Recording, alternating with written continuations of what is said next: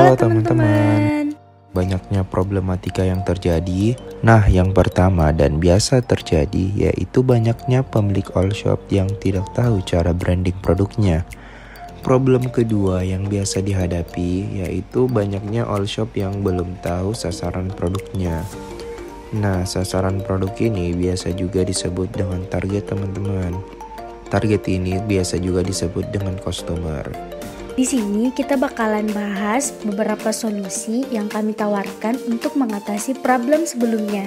Di sini ada dua solusinya teman-teman. Solusi yang pertama, sharing tentang cara branding produk dan yang kedua, sharing tentang digital marketing.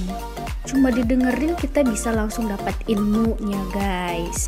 Jadi antara branding dan digital marketing itu saling berkaitan teman-teman. Dalam podcast nanti bakalan kita bongkar rahasianya teman-teman. Jadi tetap stay tune ya di podcast kami. Jika teman-teman mager, lebih baik teman-teman dengar podcast kita aja deh. Jangan lupa ya dengerin kita di Spotify. Tersedia untuk Android dan iOS. See, See you. you. Dah.